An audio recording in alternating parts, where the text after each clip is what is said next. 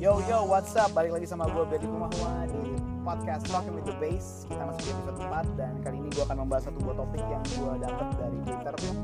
Uh, setelah gue bertanya-tanya di Twitter, uh, akhirnya ada yang mengusulkan topik ini. So stay tune jangan ke mana-mana, tetap podcast Talking with the Bass.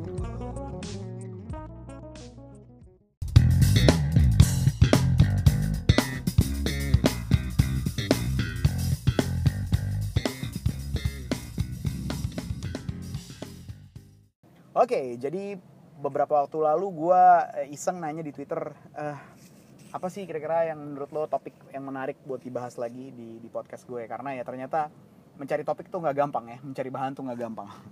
jadi uh, gue terinspirasi di Twitter, setelah gue lempar pertanyaan di Twitter ada yang jawab, uh, nama Twitternya Seno Molana, thank you Seno. Sebenarnya banyak lagi teman-teman yang lain yang nanya, cuman menurut gue ini salah satu topik yang stand out. Jadi gue pengen ngebahas tentang topik ini.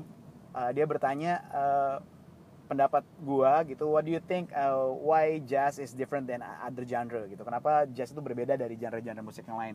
Uh, tanpa gue bermaksud mendiskreditkan jenis musik lain karena setelah gue mempelajari hampir semua jenis musik dan hampir bermain hampir semua jenis musik ternyata yang namanya musik itu emang keren aja gitu ya. Mau jenisnya apa pun itu keren dan uh, masing-masing uh, punya tingkat kesulitannya sendiri gitu. Jadi gue nggak pernah menurut gue gini orang suka bilang uh, jazz tuh kalau belajar jazz lo pasti bisa semua jenis musik. Uh, pendapat kayak gini pernah ada zaman dulu uh, waktu orang main klasik.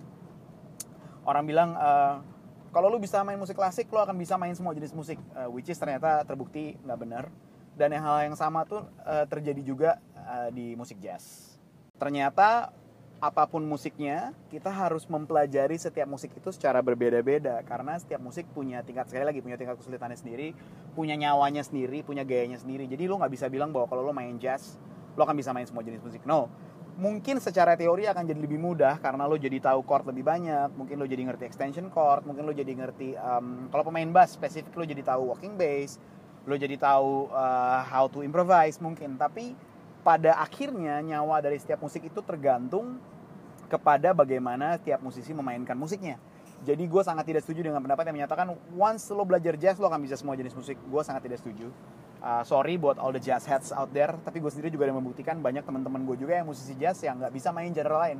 Even genre yang paling dekat dari jazz sendiri misalnya gospel atau R&B nggak mudah buat mereka bisa langsung switch gitu aja karena memang setiap musik sekali lagi punya ciri khasnya masing-masing punya nyawanya masing-masing. Uh, tapi kalau ditanya apa sih yang membuat jazz itu beda? Kalau buat gue uh, barometer dari jazz itu adalah dia punya apa ya unsur freedom yang sangat besar. Buat gue jazz itu musik yang um, memberikan kebebasan buat musisinya eksplor, memberikan kebebasan buat musisinya uh, berkolaborasi, membuat membuat inovasi baru dan selalu terjadi tiap tahun seperti itu. Maksudnya setiap beberapa dekade pasti ada perkembangan. Oke, okay, let's say kita balik ke masa lalu waktu jazz itu baru pertama kali ditemukan. Sebenarnya kan itu yang dinamakan dengan Dixieland pada masa itu. Uh, berawal dari ragtime music, yang musik yang tadinya cuma buat piano, berawal dari uh, gospel music, marching band music, digabungkan. Bahkan work songs istilah work songs. Jadi kalau work songs itu kalau zaman dulu um, budak-budak belian mereka sambil kerja sambil mintal kapas uh, sambil ada yang nyanyiin. Kayak kayak kalau lo pernah tahu kayak zaman dulu nyanyian mama mama can't you see? Kayak tentara-tentara. Nah semacam itu work songs tapi ini sifatnya dia misalnya di dalam di, di di perkebunan kapas atau di perkebunan apa pun di mana tempat mereka kerja di ladang. Mereka untuk menghilangkan rasa galau nya rasa sedihnya ya iyalah galau. Secara dia diambil keluar dari pulau aslinya dari tanah aslinya dari benua Afrika dibawa ke Amerika uh, jadi budak suruh kerja uh, dipisahin dari keluarganya dipisahin dari sukunya. Jadi nggak heran kalau mereka punya nyanyian mereka sendiri untuk membuat menghibur dirinya sendiri. Berkembang dari situ uh, work songs masuklah um, gospel di dalamnya masuk uh, musik tradisional Afrika which is tangan nada blues yang kita kenal sekarang atau blue tonality berawal dari tangan nada blues uh, berawal dari tangan nada orang Afrika original digabungkan dengan instrumen yang modern pada masa itu muncul ragtime, muncul Dixieland, muncul blues. Sebelumnya banget sih blues karena ya blues itu ungkapan kesedihan mereka lalu berkembang jadi tadi gue bilang jadi ragtime, jadi Dixieland atau New Orleans music. Dan Dixieland itu sendiri punya dua punya dua uh, ini ya dua negara bukan dua kota asal. Ada Chicago ada New Orleans. Jadi beda stylenya. New Orleans sama uh, Chicago tuh beda style Dixielandnya. Karena kalau di New Orleans biasanya mereka original which is dengan sifat Mardi Gras gitu ya di mana mereka jalan-jalan keliling bawa snare doang bawa tuba nggak pakai bass uh, klarinet trompet uh, trompetnya biasanya cornet yang lebih kecil uh, banjo. Kalau di Chicago dia lebih berkembang kadang-kadang udah pakai piano kadang pemain tenor saxophone kadang-kadang udah pakai upright bass gitu. Nah jadi perkembangan itu dari situ terus mereka berapa dekade masuk ke musik swing. Musik swing di mana udah ada big band di sana berkembang lagi berkembang lagi dari swing masuk ke bebop uh, which is lebih cepat lebih fast gitu. Atau sebelumnya bahkan sebelum bebop ada musik yang mereka kenal pada masa itu progresif. Uh, tokoh-tokohnya ada kayak George, Gershwin uh, uh, George sorry George Shearing dan lain-lain. Mereka uh, berkembang di progresif musik progresif gitu. Karena waktu itu ya dibilang progresif jazz karena uh, beda dari jazz yang sebelum-sebelumnya lebih modern. Lalu berkembang ke bebop berkembang ke cool berkembang ke uh, apa yang kita kenal dengan fusion, post bop, apa semua itu semua berkembang gitu. Jadi tiap berapa tahun selalu ada penambahan, selalu ada sesuatu yang berbeda. Uh, sekarang-sekarang pun kalau kita lihat ya oke okay, kita tarik balik ke tahun 70-an dulu. Ada Miles Davis dengan Beaches Brew-nya di mana dia membuat inovasi baru yaitu menggabungkan musik elektrik uh, pertama kalinya uh, uh, instrumen kayak Rhodes, instrumen kayak gitar rock, instrumen kayak uh, bass elektrik dimasukin di dalam settingan jazz.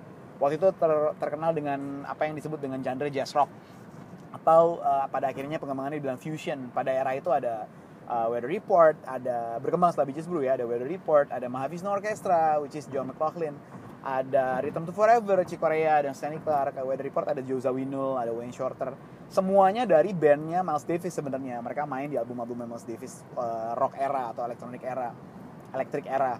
Um, Miles Davis juga sempat salah satu musisi jazz pertama yang gabungin sama DJ tahun 80-an sebelum dia meninggal. Apa 90-an awal gue lupa dia udah ngerjain itu dengan DJ. Uh, lalu berkembang berkembang berkembang terus jadi uh, setiap musisi menambahkan gayanya masing-masing lalu ada ya kalau era-era sekarang yang belum lama meninggal tahun lalu ada Roy Hargrove dengan Irish Factor-nya di mana dia gabungin musik-musik hip hop, uh, musik-musik R&B, musik-musik uh, new soul digabungkan dengan jazz. Uh, lebih ke sini lagi tahun 2011-an kita punya Robert Glasper dengan Robert Glasper Trio, Robert Glasper Experiment di mana dia lebih ngembangin lagi musik-musik new soul, musik-musik ya digabungin sama gaya-gayanya Dilla, J Dilla digabungin dan dibikin jadi musik-musik sekarang. Atau kalau dia orang itu dari New York, kalau di LA ada orang kayak Thundercat, kayak Flying Lotus di mana mereka bener-bener gabungin musik um, club, musik-musik DJ dengan musik jazz. Jadi jazz itu sangat terbuka dengan kolaborasi, sangat terbuka dengan inovasi.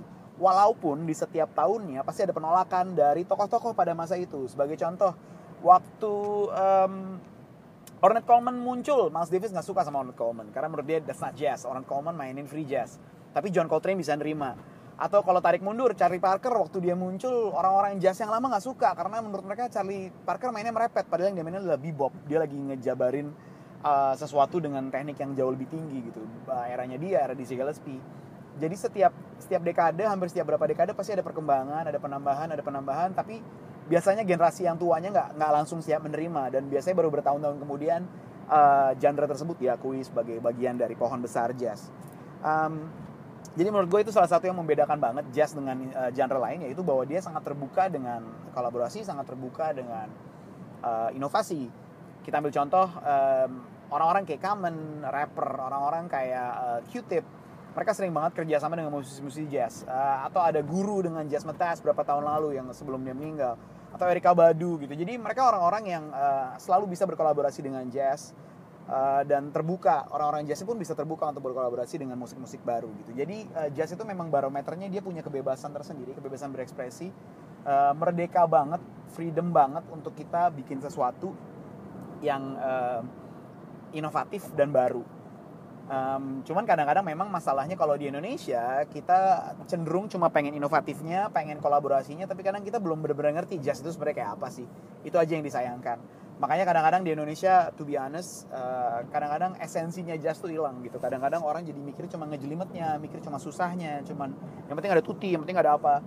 Pada sebenarnya jazz itu sendiri menurut gue pribadi spiritnya adalah dia adalah dance music karena memang pada masa itu musik itu adalah musik pemberontakan. Musik yang membuat orang kulit hitam yang diperbudak oleh kulit putih dia kayak ya udah lo boleh perbudak gue tapi lo nggak bisa perbudak jiwa gue jiwa gue akan tetap menari jiwa gue akan tetap bersenang-senang jiwa gue akan tetap menyatakan dan mengekspresikan diri gue dan itu tergambar jelas pada era pertama kali jazz muncul dengan style Dixieland which is lucunya pada masa itu dianggap uh, dibilang jazz tuh karena itu sebenarnya hinaan. Jazz itu sebenarnya dalam bahasa Perancis artinya kurang lebih hampir sama kayak uh, pelacur gitu ya um, merendahkan banget lah intinya mereka merendahkan orang kulit hitam tapi lucunya bertahun-tahun kemudian orang kulit putih pun akhirnya ikutan uh, mengembangkan musik jazz dan ikutan bergabung dengan jazz itu sendiri dan memainkan musik jazz itu sendiri. Sampai akhirnya orang-orang kulit hitam sering ngeledek uh, orang kulit putih juga karena lucu ya lu lu perbudak kita tapi lu pergun mainin juga musik kita gitu. Um, gue ingat satu adegan di film Sister Act kalau ada yang pernah nonton film Sister Act 2 dulu um, ada satu orang kulit hitam yang udah bergaya Jamaika dia sebel sama temennya sendiri teman sekelasnya yang gayanya seorang rapper padahal kulit putih. Dia bilang dulu lo ambil jazz sekarang lo ambil rap bentar lagi lo ambil reggae apalagi lo mau ambil dari kita gitu. Kayak itu sebuah bentuk uh, satir lucu banget dari adegan itu buat gue kayak menyadarkan iya ya itu sebetulnya sesuatu yang bener juga. Makanya Glasper pun Robert Glasper di album Black Radio boleh dibilang dia lumayan uh, menunjukkan uh, apa ya pembelaannya terhadap uh, rasnya dia terhadap kulit hitam gitu. Bahwa dia kayak menyatakan bahwa Afro American itu sering dijiplak. Afro American tuh selalu di musiknya tuh selalu diambil uh, alih atau dipergunakan orang lain. Dan dan memang itu fenomena yang hampir selalu terjadi di setiap dekade. Makanya waktu gue lihat uh, Glasper munculin album judulnya Black Radio gue udah bisa menduga ini pasti ada urusannya sama bentuk pemberontakannya dia pribadi terhadap uh, apa yang terjadi di fenomena industri musik jazz itu sendiri. Um, kurang lebih kayak gitu ya. Jadi menurut gue uh, jazz itu musik yang selalu berkembang musik yang dinamis musik yang bisa digabungkan dengan apa aja. Makanya bertahun-tahun belakangan jazz itu berkembang jadi luas banget. Uh, crossover uh, ya tadi teman-teman yang gue sebutin kayak Thundercat nama-nama kayak uh, Kamasi Washington. Kalau teman-teman pernah dengar dia musisi uh, saksofonis yang luar biasa juga. Pernah datang ke Indonesia waktu itu uh, dia datang pertama kali bareng sama Harvey Mason uh, di Jazz Festival di Java Jazz. Lalu pernah juga dia datang dengan proyek sendiri tapi cuma di Bali sayangnya. Cuma buat gue sih tetap keren banget. Uh, dan um, intinya musik-musik uh, kayak gitu mereka bisa mengembangkan menjadi sebuah gaya yang berbeda. Karena mereka sadar bahwa esensi jazz ada di kebebasan berekspresi dan spirit of dance. Jadi musik itu musik yang dance musik yang harusnya membuat orang punya uplifting spirit membuat orang ngerasa seneng orang buat ngerasa happy. Jadi bukan cuma sekedar susah karena menurut gue kadang-kadang kalau uh, sekarang bergeser kalau teman-teman pernah tahu musik progresif ya musik kayak Dream Theater musik-musik uh, itu jauh lebih susah sih jauh lebih complicated sebetulnya kadang-kadang. Bahkan isinya tutti semua. Nah jazz itu jangan sampai jadi arahnya ke sana menurut gue harusnya dia tetap bertahan di sisi kebebasan dan sisi dance-nya. Dalam artian spirit free spirit uh, ready for collaboration ready for innovation tapi juga nggak harus susah nggak harus susah. Um, itu yang membuat menurut gue membuat jazz berbeda dari genre musik lain uh, full of improvisation. Bahkan kadang-kadang satu buah lagu uh, bisa dimainkan sampai 15 menit sampai 20 menit uh, beda-beda banget. Dan lagu-lagunya bisa 20 menit sendiri uh, solonya satu musisi bisa uh, berapa berapa menit sendiri. Jadi um, jazz itu memang sangat sangat sangat bebas dan uh, very very based apa ya based on dialogue. Jadi kayak musisi satu tuh harus berdialog dengan musisi lain. Dia nggak bisa hanya bertahan di satu pattern tertentu. Dia harus uh, menguasai instrumennya sedemikian rupa sampai dia bisa berkomunikasi dan berdialog menggunakan instrumennya. Nggak harus dengan vokal tapi dengan instrumennya aja dia bisa berkomunikasi dan uh, menyatakan dan mengekspresikan dirinya gitu. Itu yang membuat jazz uh, jadi musik yang berbeda dari genre-genre uh, yang lain. Uh, walaupun di genre-genre lain juga ada improvisasi kayak tadi gue sebut di progresif bahkan di rock pun di blues juga ada Cuman memang kalau blues uh, dia biasanya terkungkung atau terpatok dengan satu bentuk karena blues ya memang dia 12 bar itu basicnya. Walaupun blues ada juga yang 16 bar, ada yang 24 bar, ada yang berapa bar. Tapi kebanyakan bentuknya udah terpatok seperti itu. Uh, kalau dia udah keluar dari situ dia nggak bisa dibilang blues lagi kadang-kadang gitu. Paling cuma uh, blues inspired. Tapi kalau jazz uh, bentuknya bisa berubah-ubah. Teman-teman bisa denger uh, tahun 1920-an, tahun 1940-an. Kalau denger musik-musiknya Count Basie Orchestra, denger musiknya Dizzy Gillespie, uh, denger musiknya Miles Davis, denger musiknya John Coltrane, denger musiknya um, Roy Hargrove tadi, denger musiknya Michael Brecker, denger musiknya Mike Stern, denger musiknya Robert Glasper sekarang, uh, Roy Hargrove. Um, siapa lagi musik Thundercat, Kamasi Washington, mereka semua punya gaya yang berbeda-beda tapi tetap masuk di dalam genre jazz itu sendiri. Itulah yang membuat jazz itu jadi beda karena dia punya spirit freedom tadi, punya spirit eksplorasi dan spirit inovasi. Jadi uh, Seno Maulana semoga uh, podcast edisi hari ini bisa membuat lo cukup puas dengan jawaban gue dan cukup tercerahkan gitu ya. Uh, gue menjawab dengan keterbatasan dengan apa yang gue tahu. Kalau teman-teman mungkin punya kritik atau saran atau ngerasa apa yang gue nyatakan uh, nggak uh, tepat, boleh kalau kita mau berdialog berkomunikasi boleh. Uh, cuman yang pasti gue seneng banget karena kalian semua masih mantengin terus podcast gue. Terima kasih banyak sekali lagi yang masih pantengin Talking with the Bass podcast. This is episode 4 sampai kita ketemu di Talking with the Bass episode selanjutnya. God bless you and remember God loves you. Bye